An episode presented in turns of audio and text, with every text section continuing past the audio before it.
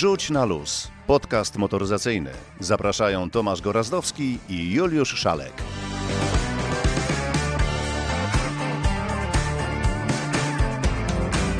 Dzień dobry, dobry wieczór. W końcu nie wiadomo kiedy to pójdzie. Pełnia animuszu, Tomasz Gorazdowski. I Juliusz Szalek. Zapraszamy na 17 odcinek podcastu Wrzuć na luz.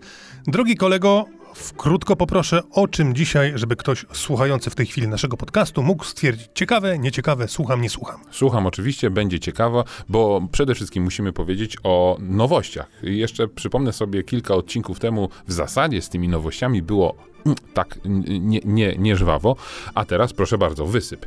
Facelift Key Seat, nowa Astra. No ale mimo, że możemy opowiadać o tych nowych samochodach, wszyscy dzisiaj żyją czym?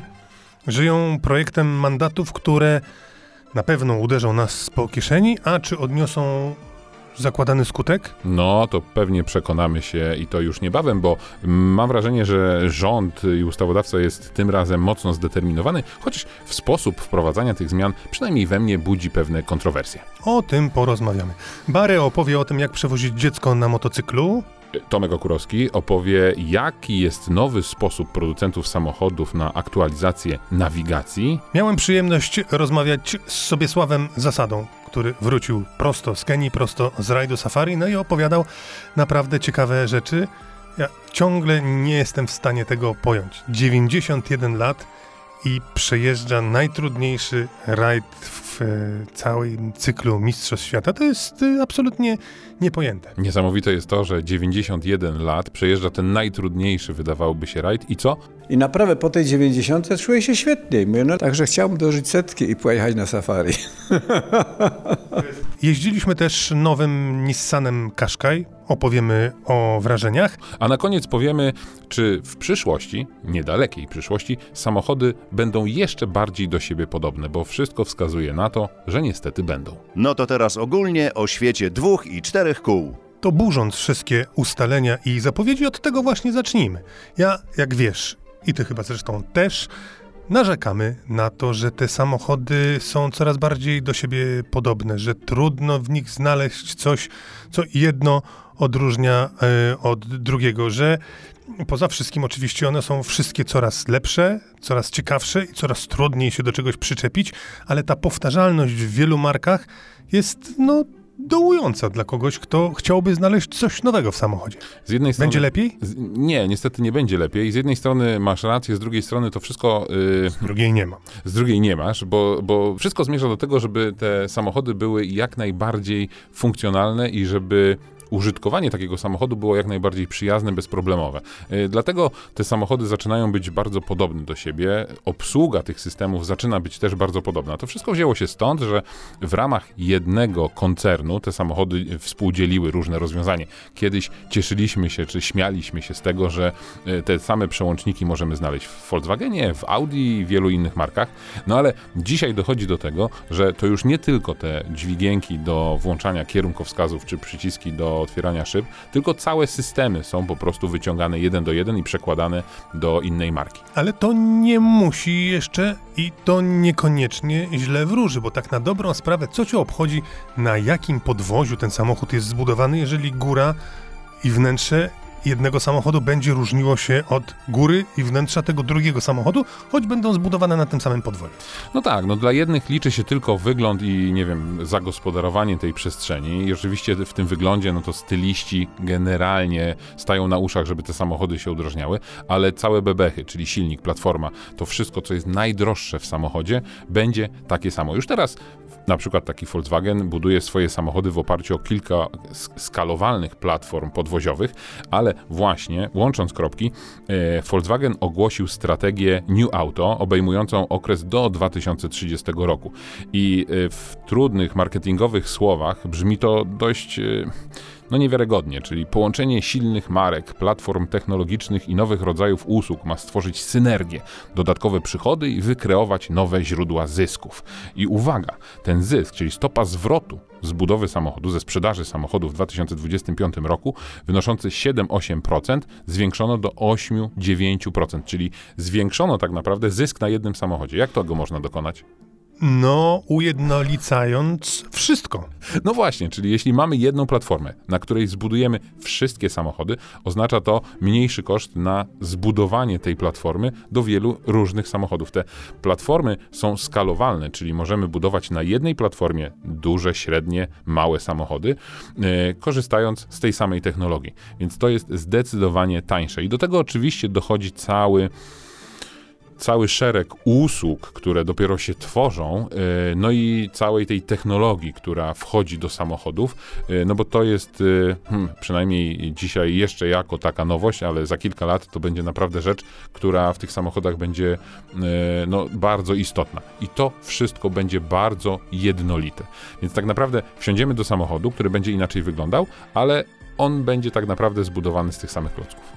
No i czy ci to przeszkadza? Bo widzę w motoryzacji parę innych zagrożeń, które bardziej mi przeszkadzają niż to, że w moim aucie marki A jest to samo, co w aucie marki B. Jeżeli wyglądają różnie, kosztują różnie, jeżdżą trochę inaczej, no to no właśnie problem jest w tym, że one nie będą jeździły trochę inaczej. One będą jeździły bardzo podobnie, tak jak zresztą powiedziałeś na początku, że już teraz te samochody jeżdżą dość podobnie. A nie ma takiej sytuacji, że one są budowane na tych samych podzespołach, choć, choć i tak to bywa. Yy, no, ja mam z tym problem. Ja mam z tym problem, bo... Yy, jeszcze pewnie za, y, w niedalekiej przyszłości będzie tak, że któryś koncern kupi jeszcze jakiś jeden koncern i, i, i, to w ogóle wszystko będzie wyglądało bardzo podobnie. Taki mam przykład, który jest daleki od motoryzacji, ale też podróżujesz y, po świecie i zwiedzasz wiele różnych lotnisk i na tych lotniskach zaczyna wyglądać bardzo podobnie. Są te same firmy, y, które, nie wiem, stawiają swoje sklepy i te produkty są dokładnie takie same. I tak samo będzie z motoryzacją. Te produkty będą naprawdę bardzo podobne. Wizualnie one będą się od siebie różniły, ale... ale... Przekonałeś mnie, to absolutna lipa. Czyli tym lotniskiem, nie? Te lotniska rzeczywiście, człowiek leci do Bangkoku czy do Singapuru, myśli, że o, egzotyka, a tam to samo, co u nas na Okęciu, tylko w trochę lepszym wydaniu. No to więc właśnie, lipa. kupisz sobie Volkswagena, kupisz sobie Skodę, kupisz sobie Audi, czy nawet jakieś inne marki, one będą gdzieś tam się różniły, ale te różnice będą tak naprawdę no, niezauważalne. No to zobaczymy, czy nowy Seat różni się od nowej Astry. Nowy Seat różni się od nowej A, Astry widzisz, póki czyli jednak co, ciągle, bo to są ciągle. dwa różne koncerny. E, Ale też nowy I do Seat... tego dojdzie, że dwa różne koncerny będą robiły na tej samej platformie. To już, Już jest. jest, no właśnie. Volkswagen, Ford. To, to są y, marki, które nie są y, w jakiś sposób połączone, a już wykorzystują No więc moje podzespoły. pytanie jest zasadne. Czy nowy Seat i nowa Astra są podobne? Nowy Seat powiedziałbym, że jest podobny do starego. O, Bo to, jest, y, odpowiedź. mały, mały facelifting, mm, kilka zmian stylistycznych, no bo oczywiście w dzisiejszych czasach co 2-3 lata trzeba przeprowadzić y, facelifting, żeby podnieść zainteresowanie danym produktem, danym modelem y, i właśnie tak, y, takie zmiany zafundowano Seedowi, który swoją drogą sprzedaje się cały czas bardzo dobrze, bo to jest y, Fajny samochód. Fajny, fajny, wygodny i dobrze wyglądający samochód. Więc oczywiście zmiana przodu, zmiana tyłu, zmiana lamp, inna linia zderzaka i oczywiście co? No oczywiście ten infotainment i te bebechy, które yy, później wchodzisz i na przykład mówisz, dlaczego tutaj Apple CarPlay na przykład nie działa yy, bezprzewodowo. No to teraz właśnie takie y, rzeczy się pojawiają, czyli nowe funkcjonalności, y, nowe technologie, nowe systemy bezpieczeństwa też debiutują w tym samochodzie. Jakie? No i y, może nie nowe, tylko bardziej zaawansowane. Czyli to No, jest widzisz. też tak, że nie wiem, jeśli na przykład jest y, system, który utrzymuje samochód w pasie ruchu, no to on jest zupgrade'owany, powiedzielibyśmy takie piękne słowo polskie. Lepiej go utrzymuje Czyli lepiej go utrzymuje, bardziej może na środku. Y, Ten zasięg radarów jest większy, kamera widzi dalej. To są rzeczy, które są niezauważalne, ale jednak się zmieniają. Czy zauważalna będzie zmiana ceny? Owszem, ale y, tego jeszcze nie wiadomo. Będą też zauważalne nowe kolory, bo z reguły jest tak, że producent chce czymś oczarować klienta, więc pojawi się jakiś nowy kolor, nowy wzór felgi, więc to są rzeczy zauważalne. Co do ceny, no to y, samochody dzisiaj drożeją na potęgę, przynajmniej te używane. Y, nowe trzymają cenę, chociaż też drożeją, y, więc y, no tutaj trzeba w zasadzie decydować się szybko, żeby po prostu nie pójść z torbami. A jeżeli chodzi o nową Astrę, y, nową Astrę, pamiętasz jak o tej starej Astrze w tej chwili już mówiło się nowa Astra i to był kawał fajnego samochodu, dobrze wyglądającego, dobrze jeżdżącego, fajnie wyglądającego w środku nie w jakiejś koszmarnej i oszałamiającej y, cenie. To się przełożyło na to, że tych Astr sprzedało się całkiem sporo, więc jak nowa Astra ma się do starej nowej Astry? Ach, takie e, głębokie westchnięcie, bo tak się zastanawiam, że w, pewnym momencie różne marki chcą stworzyć z tego samochodu e, coś więcej. I chyba e, Opel chce z Astry stworzyć taki bardziej samochód. Insignia. No nie, nie chcę powiedzieć unikalny, nie chcę też świadomie użyć słowa premium, bo dzisiaj wszyscy chcą być premium, ale chcę zbudować taki samochód trochę wyżej pozycjonowany. I sam wygląd tego samochodu jest naprawdę bardzo nowoczesny, bardziej francuski. Bardziej przypomina ten samochód Mokkę niż poprzedniego Opla. Yy, a właśnie bebechy są z Aliansu yy, i z koncernu PSA, więc yy, tam no, i platforma, i te całe yy, silnik, układ napędowy i też ten infotainment yy, gdzieś tam bardziej bliżej mu do francuskiego. Yy, Ale wygląda ten samochód niesamowicie. Trochę bardziej przypomina Hyundai Ionika 5, czyli mamy w motoryzacji nowy język stylistyczny, O matko, czy ty matko. też zaczynasz tym językiem mówić? N- Nie, bo nie lubię też tych, y, takiej nowomowy, ale, ale faktycznie, tak jak mieliśmy takie ostre kształty, to tutaj wszystko mamy takie. I teraz nie wiem, popraw mnie. Zaokrąglone. horyzontalne czy wertykalne? Horyzontalno-wertykalny. tak jest. E, czyli te linie są cały czas takie ostre, Poziomy. poziome i mocno odznaczone. Nie ma takiego wyraźnego grilla. y, to wszystko ciągnie się tak naprawdę od jednego boku samochodu do drugiego. Czyli nie poszli wzorem BMW. Nie, zdecydowanie nie. Chociaż BMW też w niektórych modelach wycofuje się z tego grilla, no ale zobaczymy, co z tego będzie. Yy, więc ta nowa Astra y, może się podobać. No wszystko oczywiście zależy od ceny, jak ten samochód będzie wyglądał. Yy, yy, znaczy ile będzie kosztował i tak naprawdę kiedy się pojawi na rynku, bo yy, no, jeszcze nie w tej chwili. Możemy chyba teraz y, w spokoju przejść do tematu najbardziej kontrowersyjnego z tych zaproponowanych przez nas y, dzisiaj, do pomysłu radykalnego zwiększenia y, cen mandatów. Ma być zdecydowanie drożej, ma być dziesięciokrotnie mm, drożej, no a wszystko po to, żeby było bezpieczniej.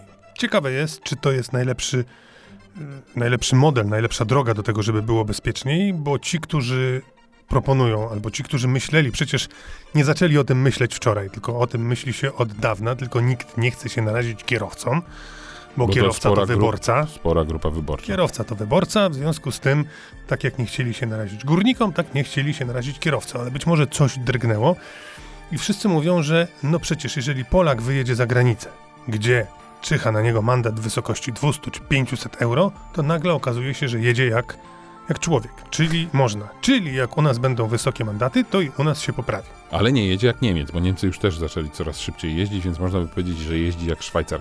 Z tym, że mandaty są za tanie w Polsce, to nie ma co w ogóle polemizować. I sam wielokrotnie mówiłem, że te mandaty powinny być droższe. I wtedy Ale tydzień temu się ucieszyłeś po wizycie Poz- po zatrzymaniu na moście. pozdrawiam pana policjanta, tak. I pewnie wtedy, i pewnie wtedy szybko liczę, tak, przekroczyłem prędkość taką, że był, byłbym już uboższy o 5000 złotych. I proszę, nie powtórzyłbym tego.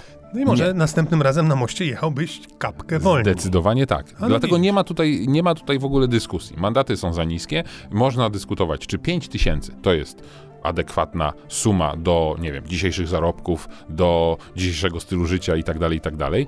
Yy, można na ten A temat... jest czy nie? Nie wiem, no jest to kara, która ewidentnie zaboli. Zależy kogo. Zależy Taki kogo, przykład- ale Taki na przykład prezes Obajtek. No myślę, że jego to nie zaboli, ale on chyba nie jeździ sam samochodem, tylko ma kierowcę, co? Więc to kierowcę zaboli. Co takie oczy robisz? Myślisz, że Obajtek prezes jeździ? Prezes drugi nie jeździ, bo nie ma prawa jazdy. No ale jak Więc prezes jego mówi, nie zaboli. jak prezes mówi ciśnij, jedziemy, śpieszy No. się, masz być na 16 i nagle trafi się kontrola, to pewnie kontrola salutuje i jadą dalej, ale jakby się trafił służbista i by powiedział, przekroczyliście o 30, No i co, myślisz, że 1000 zł, to kto płaci? Prezes, prezes by zapłacił? Nie, no kierowca płaci. W każdej sytuacji No prezes. kto kierowcy płaci? No ale to co, to tu masz stary za mandat? No właśnie, właśnie tak mi się wydaje. No to raz zapłaci 5, a drugi raz 30, tak? Bo plan y, rządowy... Prezes, a jej na 30. Tak, zakłada, że recydywa jest zdecydowanie droższa, bo to 30 tysięcy złotych. Co do zasady, nie mam tutaj żadnych ym, y, obiekcji, że mandaty trzeba podnieść. Jedynie martwi mnie taki, to już chyba jest taki sport narodowy polski, taka akcyjność naszego działania. Zobacz, nikt, Czy piłkarze na to nie wpadli? no widzisz, może trenerem powinienem zostać. Ekstra klasy. Yy, akcyjność. Była seria wypadków, o których było głośno w mediach i od razu teraz wielki szum i, i taka nagonka na tych piratów drogowych. Oczywiście nie mogą jeździć yy, pira- yy, kierowcy za szybko, musi być to karane. Yy, pijani kierowcy też muszą być karani. Zresztą statystyki pokazują, że jesteśmy tylko p- p- przed Rumunią, tak? Wydawało mi się, że na pierwszym miejscu. A, to już nawet na pierwszym miejscu. E, więc ta akcyjność. Pamiętasz wypadek, to chyba było już, nie wiem, ze dwa, jak nie dalej, e, na Sokratesa w Warszawie, gdzie Tak. Kierowca potrącił na pasach człowieka i go zabił. E, I co? I wtedy też była wielka akcyjność. Tutaj przebudujemy drogę, e, jakieś pomysły. No tak, ale to nie było od razu po tym, tylko to był jakiś, jakiś proces. I tutaj martwi mnie to, że wprowadzimy znowu e, wysoką karę, Wiadomo, w jakiej sytuacji jest budżet państwa. Te pieniądze zasilą budżet państwa i okej, zabierajmy pi- y, samochody pijanym, nie mam z tym absolutnie problemu, ale nikt nie mówi o tym, żeby wrócić do pomysłów, czy wreszcie, bo te, po, te pomysły i te przepisy są już y, y, przyjęte, żeby wreszcie młody kierowca poszedł na kurs doszkalający. Obowiązkowo. Po kursie na, zdanym kursie na prawo jazdy masz yy, obowiązek odbyć kurs szkolenia z niech to będzie defensywna, ofensywna y, jazda, ale żeby ten młody kierowca miał jeszcze większą możliwość nauki jazdy samochodem Ale to i od- świadomość. Ale to od razu zakładasz, że system szkolenia kierowców, cały proces szkolenia i zdawania na prawo jazdy jest do luftu. Może po prostu należałoby lepiej szkolić. No bo to tak. Y, uczysz się, a potem jeszcze fundujesz sobie korki z matematyki, bo nie dajesz sobie rady. To znaczy, że coś w szkole jest nie tak. No to znaczy, że z systemem szkolenia kierowców coś jest nie tak. I o tym oczywiście wiemy. No ale rozumiem, do czego zmierzasz. Żeby kierowcy, ci, którzy po zdobyciu prawa jazdy za chwilę wyjadą na drogę, po prostu lepiej jeździli. Czy go kijem, czy go Tak. pałą, czy system doszkalający, czy poprawa szkolenia podczas kursu na prawa jazdy, no to jest, to jest jakby wszystko jedno. Tak, zgadzam się, żeby lepiej jeździć, ale widzisz, tak jak u nas, po prostu prościej jest wybrać prostszą wersję. Znaczy, Karać, oczywi- zabierać i złożyć. Oczywiście, no jakby to jest y, taka, taki kij, nie ma marchewki tutaj. Y, Kijem jest oczywiście wysoka kara i wiele krajów też tak, y, nie wiem, Słowenia ostatnio też jakiś czas temu podniosła kary, podniosła mandaty i A wiemy coś na temat szkolenia kierowców e, w ja Słowenii? przyznam się nie orientuję, ale powiem ci jeden, y, jeden taki przykład. Y, Kiedyś rozmawiałem ze znajomym z Niemiec i on mówi, wy macie za tanie prawa jazdy. I teraz weź sobie pomyśl, tanie prawo jazdy. Wiesz za ile zrobisz kurs na B? Jakieś 2000, no 2,5. No i co w tym złego? No i to w tym złego, że jak wydajesz te 2,5 tysiąca, to nie szanujesz tego dokumentu. Jakby ten dokument kosztował 10 tysięcy złotych, Kompletnie się z tobą nie w zgadzam. Niemczech, Co ma kosztuje, w? Niemczech kosztuje dokument 5 tysięcy, chyba 4 tysiące, no nie chcę teraz skłamać, czy to jest w euro, czy w złotówkach, ale zdecydowanie jest zdecydowanie droższy. Więc jeśli ten dokument kosztowałby cię zdecydowanie więcej, Nie, to, sprowadzi to się to tylko do tego, że nie go. wszystkich będzie stać na zrobienie prawa A jazdy. to jest też dobry taki efekt uboczny, bo były mniejsze korki. Ale pomyśl, jeśli kosztuje cię ten dokument zdecydowanie więcej trudu, zdecydowanie więcej pieniędzy, to szanujesz go, a nie podchodzisz do tego, W że jakim sensie szanujesz? dobrze. Nosisz go na piersi zamiast na tyłku? nie, szanujesz, czyli po prostu jedziesz wolniej, bo wiesz, że jak go stracisz, to musisz wydać znowu dużo pieniędzy na to, żeby to, e, ten dokument e, ponownie zdobyć. Nie, Zresztą- prawo jazdy powinno być tanie, a jego ewentualne Nie, odzyskanie powinno być drogie. Absolutnie się z tą nie zgadzam. E, moi drodzy, kto się ze mną zgadza, a nie zgadza się z Tomkiem? No przecież za tanie jest prawo jazdy. Wynocha. Tak, wyno. Wynocha ze studia, już. Y, Zresztą, y, projekt rządowy, oprócz tego właśnie, i tu trzeba być sprawiedliwym, e, że podnosi kary mandatów, chociaż też tutaj są furtki, nie wiadomo, e, bo tam jest napisane do 5 tysięcy, nie wiadomo na razie za co, kto decyduje i tak dalej. Czy znowu wrócimy do tego, że pan policjant będzie tutaj e, wszechmocny i będzie decydować, czy to jest 2000 czy 5? Nie wiem tego, na razie tego nie wiadomo, mm, ale y, oprócz tego punkty. Jest pomysł, żeby przepadały nie co rok, tylko co dwa lata, więc to też już jest no, jakaś taka y, To jest bolesne. sankcja. To jest bolesne, bo te 6 punktów łatwo złapać za tą prędkość, chociaż zakładając, że będziemy jeździć wolniej, no to, to może się to zmienić. Więc y, kolejna rzecz, która może tak naprawdę zaboleć w y, takiej perspektywie też y, corocznych opłat za samochód, no to jest powiązanie y, twojego stylu jazdy i ilości mandatów z ubezpieczeniem OC. I tak jest na, no nie może nie na całym świecie, w świecie, ale w większości krajów i to naprawdę przynosi efekt. Tak, to prawda, bo to jest po prostu y, powiązane bezpośrednio y, z kieszenią. Pomysł zabierania samochodu osobom, które prowadziły po pijaku na 3 miesiące. Tego nie bardzo rozumiem, bo jeżeli kara ma być dotkliwa, no to on przez pierwszy miesiąc będzie trzeźwiał, przez drugi miesiąc będzie żałował, przez trzeci miesiąc będzie y, już przebierał nogami i w końcu samochód odzyska. No akurat tu, kiedy to jest ewidentnie już zła wola, głupota, y, wszystko co najgorsze, no to tu dlaczego tego samochodu nie, nie zabierać na przykład na rok i opowiadanie, że cierpieć będzie rodzina, która na przykład zostanie pozbawiona samochodu, no trudno. Jeżeli się mieszka z debilem, to się cierpi. No to oczywiście, nie można co cierpieć, tylko trzeba mu nie pozwalać wsiadać na przykład y, do samochodu. Y, Tu prawda, to też nie są jakieś takie proste jeszcze zasady, bo na te trzy miesiące to ma być zabrane prawo jazdy, jeśli chyba kierujący nie jest jego właścicielem. Y, Nie wiem, jak to wyglądałoby w przypadku, kiedy jest właścicielem. Y, Tutaj też trzeba to doprecyzować. Mm, No w ogóle w przypadku wypadku i obrażenia ciała na skutek wypadku, to sprawca tego wypadku będzie miał e, no, obowiązek tak naprawdę wypłacania renty czy zadośćuczynienia później temu poszkodowanemu, więc to też jest kolejny pomysł na to, żeby, no, żeby jakby odwieść wszystkich y, y, tych, którzy lubią sobie wypić i wsiadać, wsiadać do samochodu. Tylko to znowu trochę jest tak, że no, jak ktoś już jest po y, alkoholu, no to on nie jest świadomy i wsiada do tego samochodu, więc y, no to też mam jakieś takie obiekcje, ale, ale oczywiście trzeba zrobić wszystko, żeby no po prostu tych pijanych kierowców wyeliminować. I ważne jest jeszcze, wydaje mi się, że ważna jest jedna e, rzecz. Kiedyś analizowałem sobie statystyki nie tyle wypadków, co e, policyjne statystyki e, łapania pijanych kierowców. I dużo mówi się o tym, że to jest taki syndrom dnia poprzedniego, czyli policja robi akcję rano y, podczas y, jakichś takich dojazdów do pracy i wtedy eliminuje tych wszystkich na kacu. I to jest prawda. Ale jeśli spojrzymy i zestawimy to z liczbą wypadków spowodowanych po alkoholu, to nie są one powodowane rano na kacu, tylko wieczorem dnia poprzedniego, późnym albo wczesnym popołudniem. Więc moja droga policjo, nie kontrolujcie trzeźwości rano, tylko kontrolujcie tą trzeźwość wieczorem. To teraz zostawmy mandaty, chociaż ten ostatni mandat, o którym mówiliśmy, to trachnąłeś na motocyklu. Na motocyklu zgadza się. Więc dzisiaj o motocyklach e, Piotrek Beryła opowie o tym, jak podróżować motocyklem z dzieckiem, z małym dzieckiem, być może z odrobinę większym dzieckiem.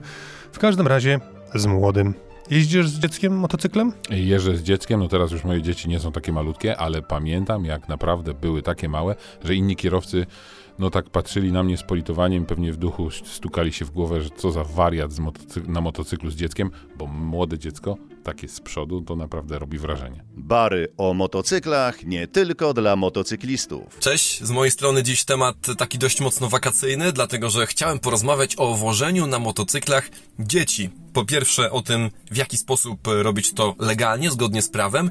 Po drugie, jak robić to, aby było bezpiecznie i przyjemnie nie tylko dla nas, ale też dla naszego małego pasażera. Kto z nas nie pamięta, jak kiedyś w dzieciństwie ktoś woził nas na motocyklach? No, ja bardzo miło wspominam tamten czas.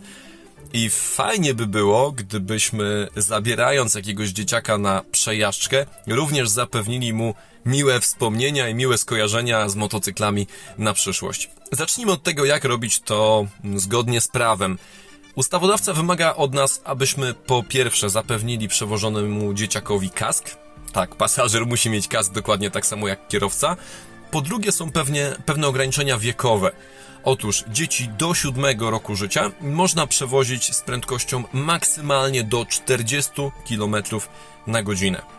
Więc możemy zabrać na motocykl malucha 5 czy 6-letniego, ale do 40 na godzinę i dotyczy to zarówno motorowerów, motocykli, skuterów, jak i nawet motocykli z bocznym koszem. Trzecia kwestia związana z wymogami prawnymi to przewożenie dzieciaka za nami, za naszymi plecami, tam gdzie przewozimy każdego innego dorosłego pasażera, nie przed nami. I tutaj przed naszymi oczami pojawia się z pewnością obrazek albo wiele obrazków, gdzie dzieciak jest przewożony właśnie przed kierowcą i trzyma się kierownicy. No i widzicie, okazuje się, że takie przewożenie dzieci jest absolutnie niezgodne z prawem. Ale powiem tutaj więcej. Takie przewożenie dzieci, jak się okazuje, na podstawie wielu badań i testów, jest również bardzo niebezpieczne. Lepiej, aby dzieciak siedział za nami.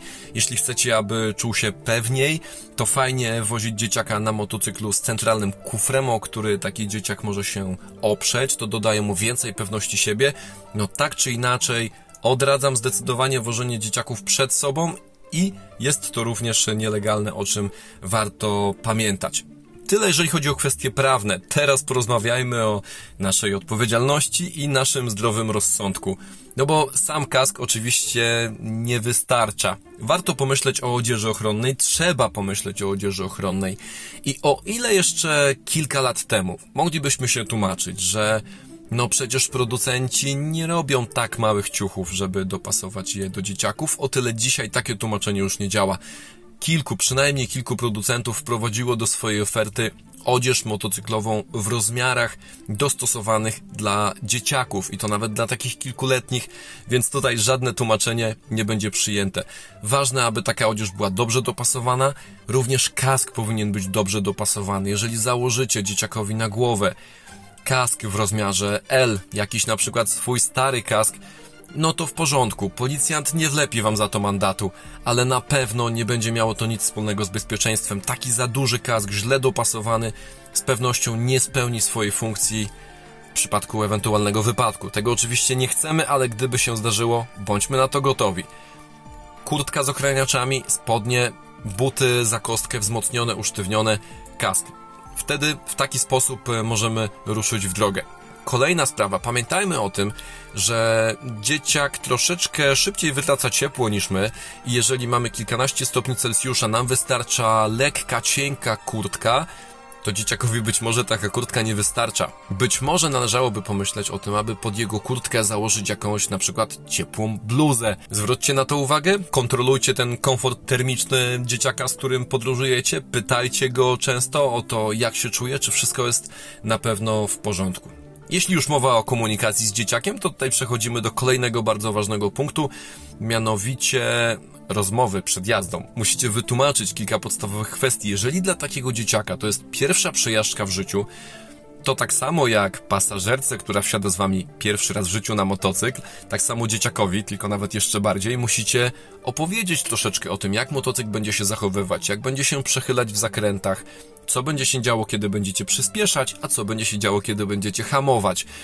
I kiedy zaczynacie jechać, to oczywiście te pierwsze metry, pierwsze kilometry pokonujecie bardzo, bardzo, bardzo ostrożnie, cały czas mając kontakt ze swoim małym pasażerem, pytajcie, czy wszystko jest w porządku. To jest bardzo ważne, dlatego że jeżeli jest to pierwsza przejażdżka takiego dziecka, to ona będzie rzutować na to, w jaki sposób ten dzieciak będzie kiedyś w przyszłości postrzegać motocykle. Jeśli zdarzy się, że nasz pasażer jest y, tak mały, że nie czuje się pewnie za naszymi plecami, niektórzy producenci zaczęli wprowadzać już do sprzedaży takie specjalne podstawki, pewnego rodzaju odpowiedniki fotelików samochodowych, które są przypinane do motocykla i na których może wygodnie siedzieć dzieciak. Niestety o takich podstawkach zbyt wiele wam nie powiem, ponieważ ich nie testowałem za każdym razem, kiedy zabierałem na pokład motocykla jakiegoś małego pasażera. Radziliśmy sobie bez takich podstawek.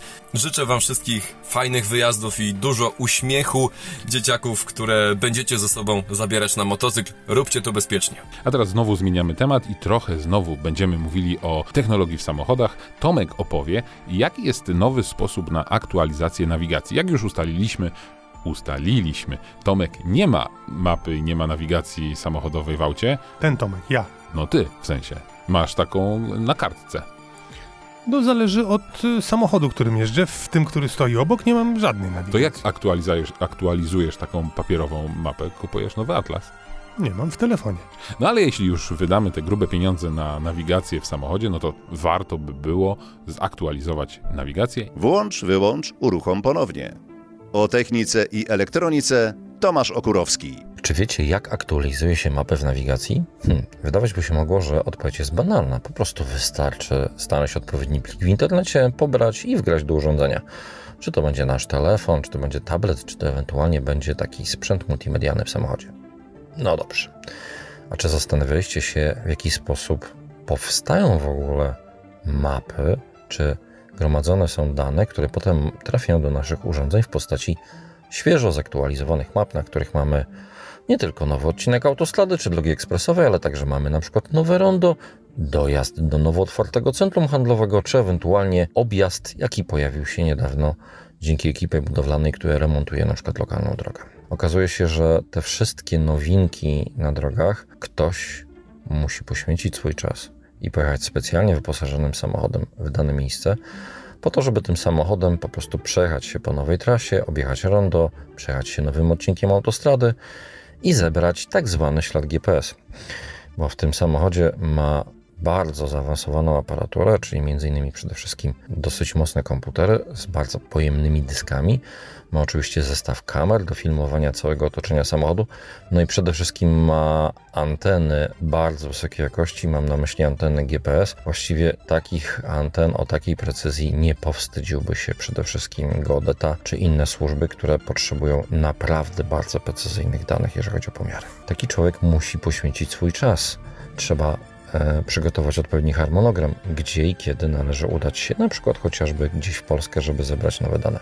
Nie jest tajemnicą, że w pierwszej kolejności przede wszystkim wysyła się ekipy tam, gdzie oddawane są do ruchu najważniejsze drogi w kraju, czyli to przede wszystkim drogi krajowe, ale także autostrady, drogi ekspresowe, czy inne takie naprawdę kluczowe połączenia, szczególnie dla ruchu tranzytowego. Im niższa kategoria drogi, tym zwykle dłużej czeka się na to, że pojawi się tam odpowiednia ekipa. Oczywiście każda z firm szuka pomysłu na to, jak przyspieszyć aktualizację map. W jaki sposób móc dużo szybciej reagować na to, co się dzieje, jeżeli chodzi o zmiany w sieci drogowej. Oto jeden z pomysłów. Tym razem to jest to pomysł z Japonii, a mianowicie Toyota wskrzesza pomysł, o którym już wspominało kilka firm, ale właściwie kończyło się na jakichś e, projektach lub ewentualnie wizjach. Toyota poszła o krok dalej, otóż e, Japończycy wpadli na pomysł, aby po prostu wykorzystać już istniejące samochody, czyli samochody, którymi podróżuje zwykły Kowalski czy Kowalska. Po prostu samochody, w których nie ma tak zaawansowanego sprzętu, jakiego używają na przykład ekipy TomTom, Here czy innych firm zajmujących się profesjonalnie tworzeniem map. Wystarczy wykorzystać to, co już jeździ po drogach. Czyli jeżeli nasze auto jest wyposażone w stosunkowo nowy zestaw nawigacji, jest wyposażone w stosunkowo nowy zestaw przykład kamer i może takie dane rejestrować, to wówczas nie jest to problem, żeby przy okazji przejazdu takimi danymi się podzielić. Na tym też polega pomysł Toyota, aby dało się wykorzystać istniejące urządzenia do tego, żeby zapisywać ślad przejazdu. I ten ślad przejazdu potem ma trafiać dzięki stałemu połączeniu z internetem bezpośrednio na serwery producenta map, a z tych serwerów potem te dane mogą trafiać bezpośrednio do kolejnych samochodów. Co więcej, wraz z rozwojem nawigacji, gdzie właściwie mapy nie są już przechowywane w pamięci naszego urządzenia, tylko korzystamy z map zapisywanych na serwerach, czyli potrzebne jest tam połączenie z internetem, no to wówczas wszelkie aktualizacje map odbywają się dla nas w sposób niezauważalny. Chociażby dotyczy to każdej osoby, która na przykład korzysta z takich aplikacji jak chociażby Apple Maps czy Google Maps w telefonie, gdzie obie aplikacje nie wymagają przechowywania map bezpośrednio w pamięci urządzenia. W Polsce wedle podobnej zasady działa na przykład NaviExpert, czyli żeby móc wyświetlić mapę w telefonie, przyda nam się internet, żeby móc wyznaczyć trasę. Także potrzebujemy internetu, ale za to nie musimy aktualizować map dość regularnie i nie musimy ich pobierać do pamięci telefonu coś za coś. Oczywiście pamiętajmy, że każde rozwiązanie ma swoje wady i zalety, czyli wszędzie tam, gdzie będziemy podróżowali, będzie marny zasięg internetu, albo uwaga, transmisja danych będzie bardzo kosztowna, bo będziemy znajdowali się gdzieś daleko poza granicami Polski, na przykład poza obszarem e, Schengen, czy w ogóle poza obszarem na przykład Unii Europejskiej, gdzie taryfy naliczane przez operatorów są po prostu dość kosztowne to nie zapominajmy, że korzystanie z takich aplikacji może się okazać dość drogie, kiedy na przykład wybierzemy się na wakacyjną przejażdżkę. Do dziś pamiętam, kiedy przejazd z Francji, na przykład do Monako, oznaczał dla jednego z dziennikarzy błyskawiczne wyczerpanie całego limitu danych, jaki miał w ramach roamingu. No, trudno będzie z ogarnięciem tego wszystkiego, ale jak widać i słychać, robią to za nas. Zostańcie z nami, bo jeszcze dzisiaj choćby spotkanie z Sobiesławem Zasadą, który cały w dobrym humorze wrócił y, z rajdu Safari. No ma 91 lat, ciągle nie mogę wyjść y, z podziwu. Ale teraz y, zostawmy na moment jeszcze sprawę Safari. Gorąca premiera. No tak, teraz zajmijmy się nowością na naszym rynku. Wzbudza ogromne emocje. Ford Mustang Mach. Fordem Machem jeździł tylko Tomek, ale my już jeździliśmy też samochodem, który można śmiało kupić e, w salonach. Mowa oczywiście o Nissanie Qashqai i tutaj wypytaliśmy Dawida Pietruczuka z Nissana o to, jak ten samochód wygląda, bo to jest trzecia generacja Qashqai'a, co się zmieniło, co jest istotne i i co najbardziej się samym ludziom z Nissana w tym Nissanie podoba. Ja bym zwrócił uwagę na to, że zachowaliśmy najważniejsze rzeczy, które były lubiane w poprzednich generacjach, to znaczy kompaktowe rozmiary. Samochód jest w dalszym ciągu mniejszym cesuwem, e, nie urósł znacząco, urósł o 3,5 cm. Nie śledzimy tego trendu jak konkurencja, czyli nie przyrastamy o kolejne 15 cm wchodząc w kolejne segmenty, jednakże przy niewielkim wzroście osiągnęliśmy bardzo duże efekty wewnątrz. To samochód zrobił się bardziej przestronny. Osiągnęliśmy dodatkowe 74 litry w pojemności bagażnika. Kolejny punkt, no to pierwszy raz w, w Nissanie w Europie mamy e, technologię hybrydową. Zastosowaliśmy miękką hybrydę 12V oraz e, coś, co jest niespotykane też jakby w segmencie CES-ów, jest to zastosowanie innowacyjnych materiałów do budowy nadwozia. Mamy tu wysokogatunkową stal, mamy tutaj aluminium e, do, e, zastosowaną do budowy chociażby maski, drzwi czy błotników. Oraz, jeżeli chodzi o tylną klapę, mamy tutaj użyte kompozyty, dzięki czemu w stosunku do poprzedniej generacji za, zaoszczędziliśmy około 60 kg. Oczywiście samochód urósł, dostał nowe technologie, którymi też należy się pochwalić. Finalnie jest odrobinę cięższy, jest to około 30 kg, ale na pokładzie mamy takie rzeczy jak blisko 11-calowy wyświetlacz head-up display, największy w tej klasie. Wyświetla takie informacje jak nawigacja, e, radio, e, nawet zdjęcie albumu, który aktualnie gra, oczywiście informacje o, o prędkości, ale także alerty z systemu ProPilot, który teraz jest połączony z nawigacją, więc system dostosowuje prędkość, czy to w, podczas podjazdów, czy zjazdów, czy w zakrętach. jest takie dodatkowe rozwinięcie tego, co mieliśmy już w poprzednich modelach, ale wzmocnione dodatkowe technologie. Silnik, dynamika i bezpieczeństwo. Silnik, silnik na dzień dzisiejszy mm, kontynuujemy mm, jakby przygodę z silnikiem 1.3 Digit. To jest turbo doładowany z bezpośrednim wtryskiem, jednakże teraz jest zastosowany w nim system Mild Hybrid 12V, który oczywiście odzyskuje energię podczas hamowania, ale podczas przyspieszania mm, dodatkowo wspiera silnik spalinowy dodatkowym e, momentem obrotowym. Jest to około 6 Nm przez około 20 sekund. Poza tym, jeżeli chodzi o bezpieczeństwo, już od podstawowej wersji Mamy bardzo bogaty system bezpieczeństwa. Po raz pierwszy mamy system predykcyjny hamowania awaryjnego. To znaczy, że samochód widzi nie tylko samochód przed nami, ale jeszcze jeden do przodu. Mamy także alerty podczas cofania, co jest też nowością powiedzmy w tym segmencie, więc samochód od początku, od pierwszej wersji wyposażenia powinien spełniać protokół pięciu gwiazdek NCAP przygotowany na 2020 rok. Skąd pomysł na to, żeby zamontować do tego samochodu układ szeregowy, hybrydowy układ szeregowy? Nissan już w 2018 roku na rynek japoński przygotował e, napęd e-Power, tym przypadku jest to połączenie silnika spalinowego z silnikiem elektrycznym. Cała istota polega na tym, że silnik spalinowy dostarcza energię do małej baterii, która zapewnia prąd, dostarcza energię do silnika elektrycznego wysokiej mocy, który jest jedynym źródłem napędu kół w tym przypadku przednich. Dzięki temu pomijamy ten efekt jakby zależności zasięgu, który jest w samochodach elektrycznych, ale dzięki temu, że koła napędzane są wyłącznie silnikiem elektrycznym, mamy możliwość bardzo fajnego, płynnego przyspieszenia. Mamy zastosowaną technologię i pedal, to znaczy możemy kierować, sterować samochodem za pomocą jednego pedału, a dodatkowo oczywiście płynność jazdy, odczucia przyspieszenia, czyli to, co jest bardzo przyjemne w samochodach elektrycznych. No i na koniec, czy jest tak, jak spodziewamy się, że będzie, że jest ciszej, przestronniej, wygodniej, wygodniejsze siedzenia, lepsza widoczność, lepsza muzyka? Tak, ja mogę to potwierdzić. Testowałem samochód w, w zeszłym tygodniu. Mamy bardzo dobre odczucia. Płynność jazdy, w szczególności z nową skrzynią Xtronic jest niesamowita. Samochód został wyciszony znacznie lepiej niż poprzednia generacja i mam nadzieję, że Państwo nie będą przekraczać prędkości, bo naprawdę nie czuć e, tego w samochodzie. I jeżeli chodzi o odczucia, jeżeli chodzi o odczucie jakości i, i przestronności wnętrza, naprawdę to się zmieniło. Czuć to szczególnie z przodu. No to zobaczymy. Ale najciekawsze jest to, że zaraz po tej rozmowie wskoczyliśmy do samochodu. A i... nawet wskoczyliśmy i... Wskoczyliśmy i... Zobaczyliśmy na własne oczy, jak to jeździ. Nawet poczuliśmy to przyspieszenie, poczuliśmy to hamowanie i poczuliśmy I, się całkiem nieźle. I usłyszeliśmy tę ciszę. Panie kolego, jedziemy nowym Nissanem Qashqaiem. Rzecz jest nietypowa, bo jedziemy faktycznie tym samochodem teraz. Y, ty za kierownicą, ja na miejscu pasażera. 156 koni, 1.3 silnik, napęd na jedną oś. Jak wrażenia? Pierwsze, co rzuca się w oczy, a bardziej chyba w uszy, to to, że obaj to zdążyliśmy zauważyć. Jechaliśmy przed chwilą 100 na godzinę i jest zaskakująco cicho i przyjemnie. To jest pierwsza uwaga. Druga sprawa to dość przyjemnie pracująca skrzynia biegów. I ta zmiana biegów odbywa się rzeczywiście tak, jak zapowiadano, szybko, sprawnie i przyjemnie. Chociaż coś, co mi przeszkadza, coś w rodzaju turbodziury, takiej, które znamy z, ze zwykłych skrzyń e, automatycznych. Jest tutaj coś takiego, że. No, o, popatrz, jaki odważny.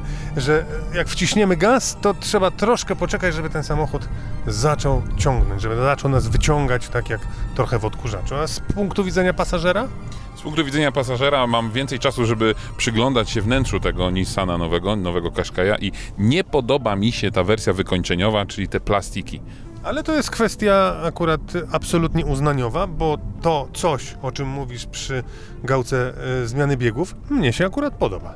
No widzisz, o odgustach się nie dyskutuje, mi to się nie podoba, ale bardzo. Mamy coś, mamy coś, co nam się wspólnie nie podoba. Tak, ale faktycznie e, bardzo fajnie wygląda ten centralny wyświetlacz, duży, chociaż no niestety przyzwyczailiśmy się wszyscy do e, googlowej nawigacji, więc ta tutaj trochę odbiega estetyką wyświetlania i tej grafiki. Bardzo fajny jest wyświetlacz przed Twoimi oczami, czyli przed kierowcą. No i powiedz, jak ten head-up display, który nie jest w standardzie, to ustaliliśmy, jest za dopłatą, ale warto za niego dopłacać? Jeżeli ktoś lubi mieć wszystkie dane tak dokładnie naprzeciwko oczu, to zdecydowanie tak. Jest jeden z największych w klasie, ma ponad 10 cali i rzeczywiście mam wrażenie, że wszystko jest wyświetlane przede mną. Po prawej stronie prędkość, znaki drogowej, po lewej stronie dane z nawigacji. W związku z tym ten head-up display bardzo mi się podoba. Wiesz, co mi się jeszcze podoba? Bardzo mi się podoba kształt kierownicy. W dzisiejszych czasach, w dzisiejszych samochodach te kierownice zaczynają być różne, już nie tylko trzyramienne, ale i także dwuramienne. Ta wydaje się bardzo fajna, ale tak generalnie patrząc na wnętrze nowego Qashqai'a, mm, Nissan nie ucieka od guzikologii i na to też zwróciliśmy uwagę, że na przykład pod tym centralnym, dużym wyświetlaczem są przyciski, w których możemy wybierać radio, oczywiście całe menu, mapę, kamery i tak dalej. Możemy szukać też różnych y, stacji. Y, poniżej jest cały panel do sterowania klimatyzacją i tutaj są guziki. Powiedz mi, ty lubisz guziki w samochodach, czy jednak przekonałeś się już do tych dotykowych wyświetlaczy?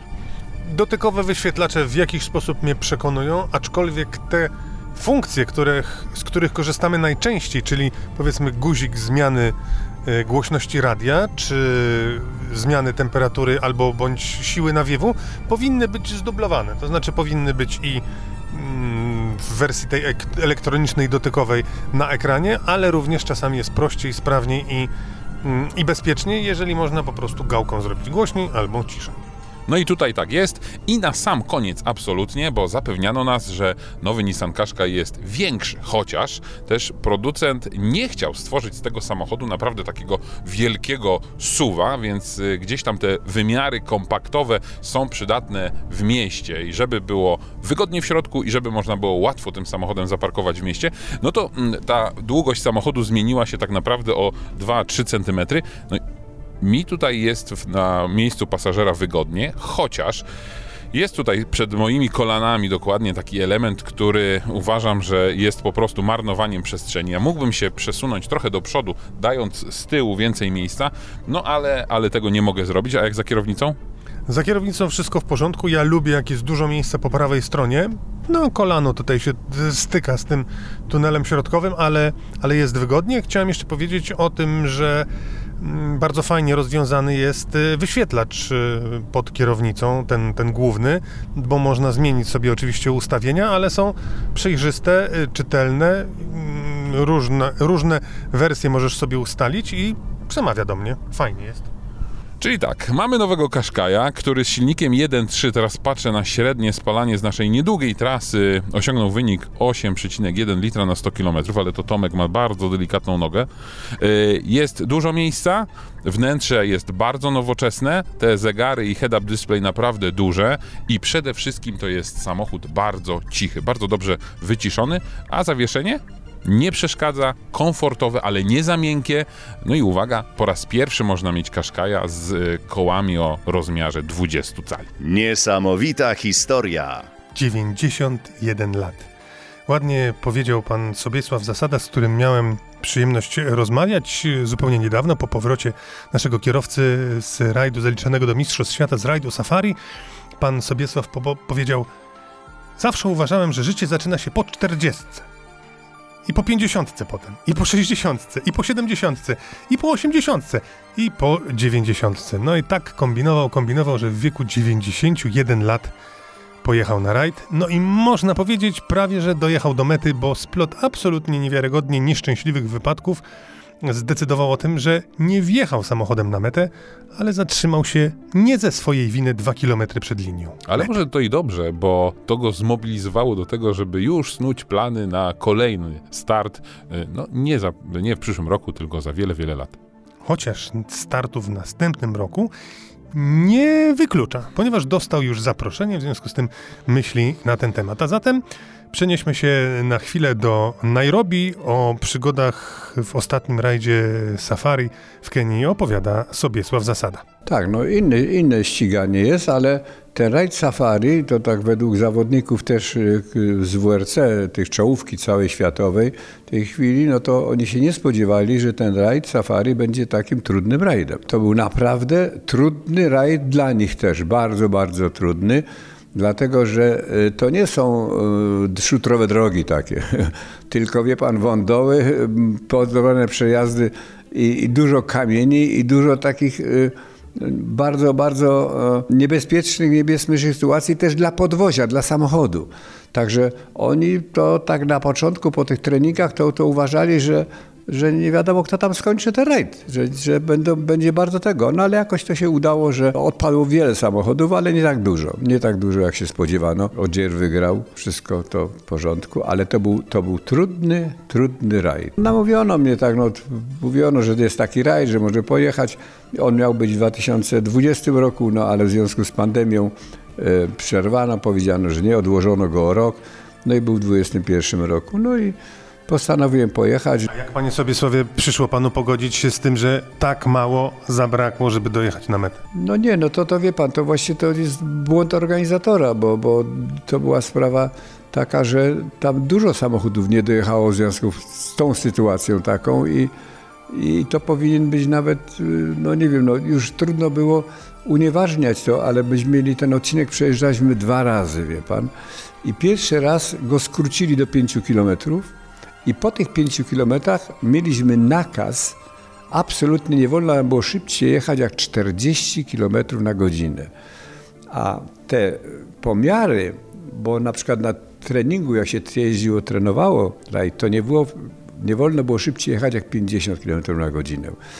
ale te pomiary to są, bo każdy ma w samochodzie założony specjalny taki urządzenie oddane od organizatora. I to jest kontrolowane, także organizator w każdej chwili wie, jak szybko się jedzie. I dlatego było 40 na godzinę, a żeby jak będzie się drugi raz jechało i, i będzie dobrze, że będzie mogło, mogą wszyscy jechać, żeby ta droga była przejezdna. No i ta droga była przejezdna dla tych pierwszych samochodów, wie pan, no a potem były, zaczęły być kłopoty. Tym samym, że, że te całe samochody WRC są jednak troszeczkę, tam są pewne regulacje, mogły być troszeczkę wyższe. No ja niestety jechałem na samochodzie WRC 3, właśnie to było Fiesta 3, ale muszę powiedzieć, że miałem problemy innego rodzaju, wie pan. My mieliśmy problemy z pilotem tego rodzaju, że nie funkcjonowała u nas ta, to urządzenie do słuchania. To znaczy, ja jego nie słyszałem, on nie słyszał mnie. I nie mogliśmy się z tym uporać i nie uporaliśmy się z tym. Także w końcu to, co opisaliśmy na treningu, bo na treningu jechaliśmy oczywiście bez hełmów i tak dalej, on opisywał wszystko, no to on mi potem na palcach po prostu pokazywał, co jest. Nie pan, także to było duże utrudnienie jazdy, ale z drugiej strony jechałem na to, co widziałem, wie pan, i to sprawiało mi dużą przyjemność. Także ja odbieram ten, ten rajd bardzo, bardzo dobrze. Tak jak mówili ci zagraniczni zawodnicy, bardzo trudny rajd i trudniejszy co najmniej o 100% od wszystkich, na których mają do Mistrzostw Świata, ale ta Kenia, wie pan, jakoś, no, no, nawet miałem taką delegację klubu kenijskiego, którzy namawiali mnie, żeby w przyszłym roku znowu przyjechać. Ja im powiedziałem, dobrze, na pewno przyjadę, ale przyjadę w 2025, bo wtedy będę miał 95 lat, to będzie lepiej, a jak się uda, to w 2030, bo wtedy będę miał stówę. A stulatek na tym rajdzie to bomba. Ale nie, ja, wie pan, ja nie odczułem zmęczenia na tym rajdzie. Ja nie odczułem tego zmęczenia. Jakim cudem? Przecież małolaty, młodzi, startujący wychodzą z takich rajdów znacznie prostszych niż rajd safari i są wykończeni. Moje życie to jest związane ze sportem, jednak z lekkoatletyką. I ja dosyć dużo jednak trenuję, dbam o wagę, wie pan. I, no, i, no i mam tą, mam tą kondycję. Mam kondycję do dzisiaj. Dla mnie przejazd samochodem tam 2000 km to nie ma problemu non stop. Mogę, mogę jechać. Czyli wytrzymuję to, wie pan. A ja lubię jeździć samochodem i nie zmęczył mnie ten rajd safari. A jak się pan odnalazł w tym kombinezonie ogniopalnym, w, w kasku? Prawda? No to wszystko, proszę pana. Buty, skarpetki, kalesony dosłownie, takie niektóre chodzę, ale to trzeba było obowiązkowo założyć. Koszulka, wie pan, kombinezon, na głowę też jakaś taka ta i, i kask. No to, to było w rękawice. Ja nie jeżdżę w rękawiczkach, ja jeżdżę normalnie samochodem, bez rękawic. No ale to wszystko było i, i to wszystko sprawiało pewne, dla mnie była nowość. No ale się przyzwyczaiłem do tego. I muszę powiedzieć, że też zmiana w, w, samochód inny zupełnie. Przecież tam się biegi zmienia, proszę pana, przy pełnym gazie. Ma pan pełny gaz, wychodzi panu dwójka do, do końca obrotu i w tym czasie pan zmienia biegi, wpada na trójka, wie pan. Bez, bez sprzęgła to idzie wszystko.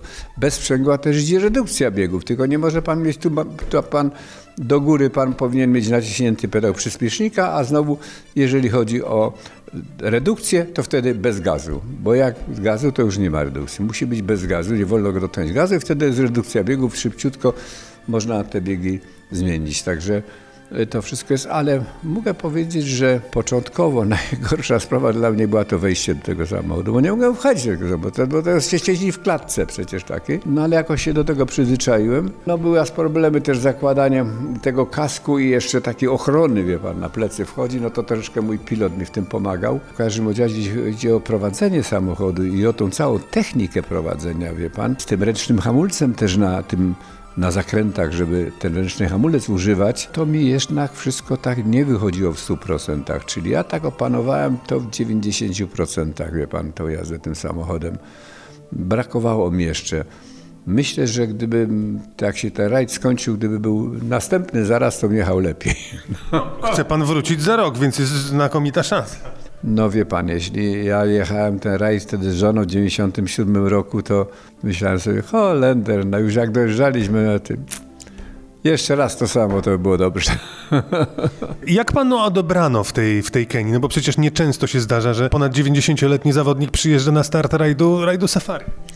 Tego, wie pan, e, nigdy nie przeżyłem. To było nieprawdopodobne przeżycie, dlatego że zwracało się do mnie wiele osób, których ojcowie brali udział w rajdzie, wie pan. I oni, oni wiedzieli o tych moich wynikach, bo ja w tym rajdzie safari jednak z tych Europejczyków byłem bardzo znany, bo ciągle byłem na przodzie, coś mi tam działo, ale też osiągałem wyniki pewne, wie pan. No, kończyłem te rajdy.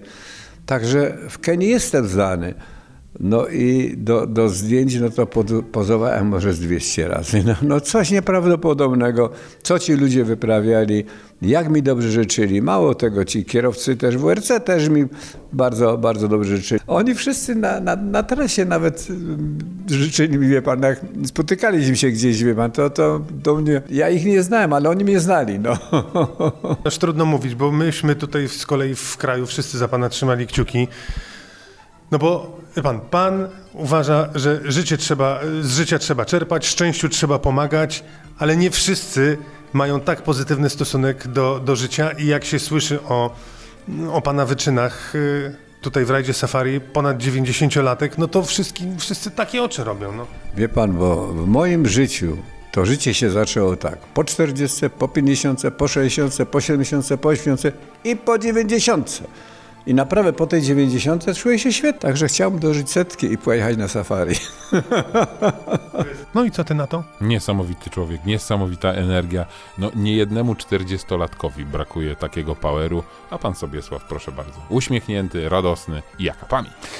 Myślę, że prędzej czy później, myślę, że prędzej niż później stworzymy na przykład osobny, taki ekstraordynaryjny, nadzwyczajny odcinek Wrzuć na luz, który wypełni właśnie rozmowa z Sobiesławem Zasadą, bo nawet w czasie tej rozmowy cofnęliśmy się w czasie w lata 60., 70., 80. Był rajd Safari, był rajd Londyn, Sydney, czego tam nie było. A ja w swoim domowym archiwum znalazłem kilka bardzo ciekawych fotografii pana Sobiesława Zasady i chętnie mu je pokażę, więc jak tylko będzie okazja, to faktycznie zaprosimy pana Sobiesława tutaj do naszego studia. To był 17 odcinek podcastu Wrzuć na luz. Proszę, rekomendujcie nas, polecajcie nas znajomym, kolegom, koleżankom, rodzinie. No bo tylko w ten sposób jesteśmy czasami w stanie dotrzeć do naszych nowych odbiorców. A gdzie nas szukać, gdzie nas można znaleźć? Oczywiście kochany? w mediach społecznościowych, na Instagramie znajdziecie y, aktualne fotki, na Facebooku znajdziecie linki do y, naszego podcastu. Oczywiście, Wrzuć na luz. tak, wrzuć, wrzuć na, na, luz. luz.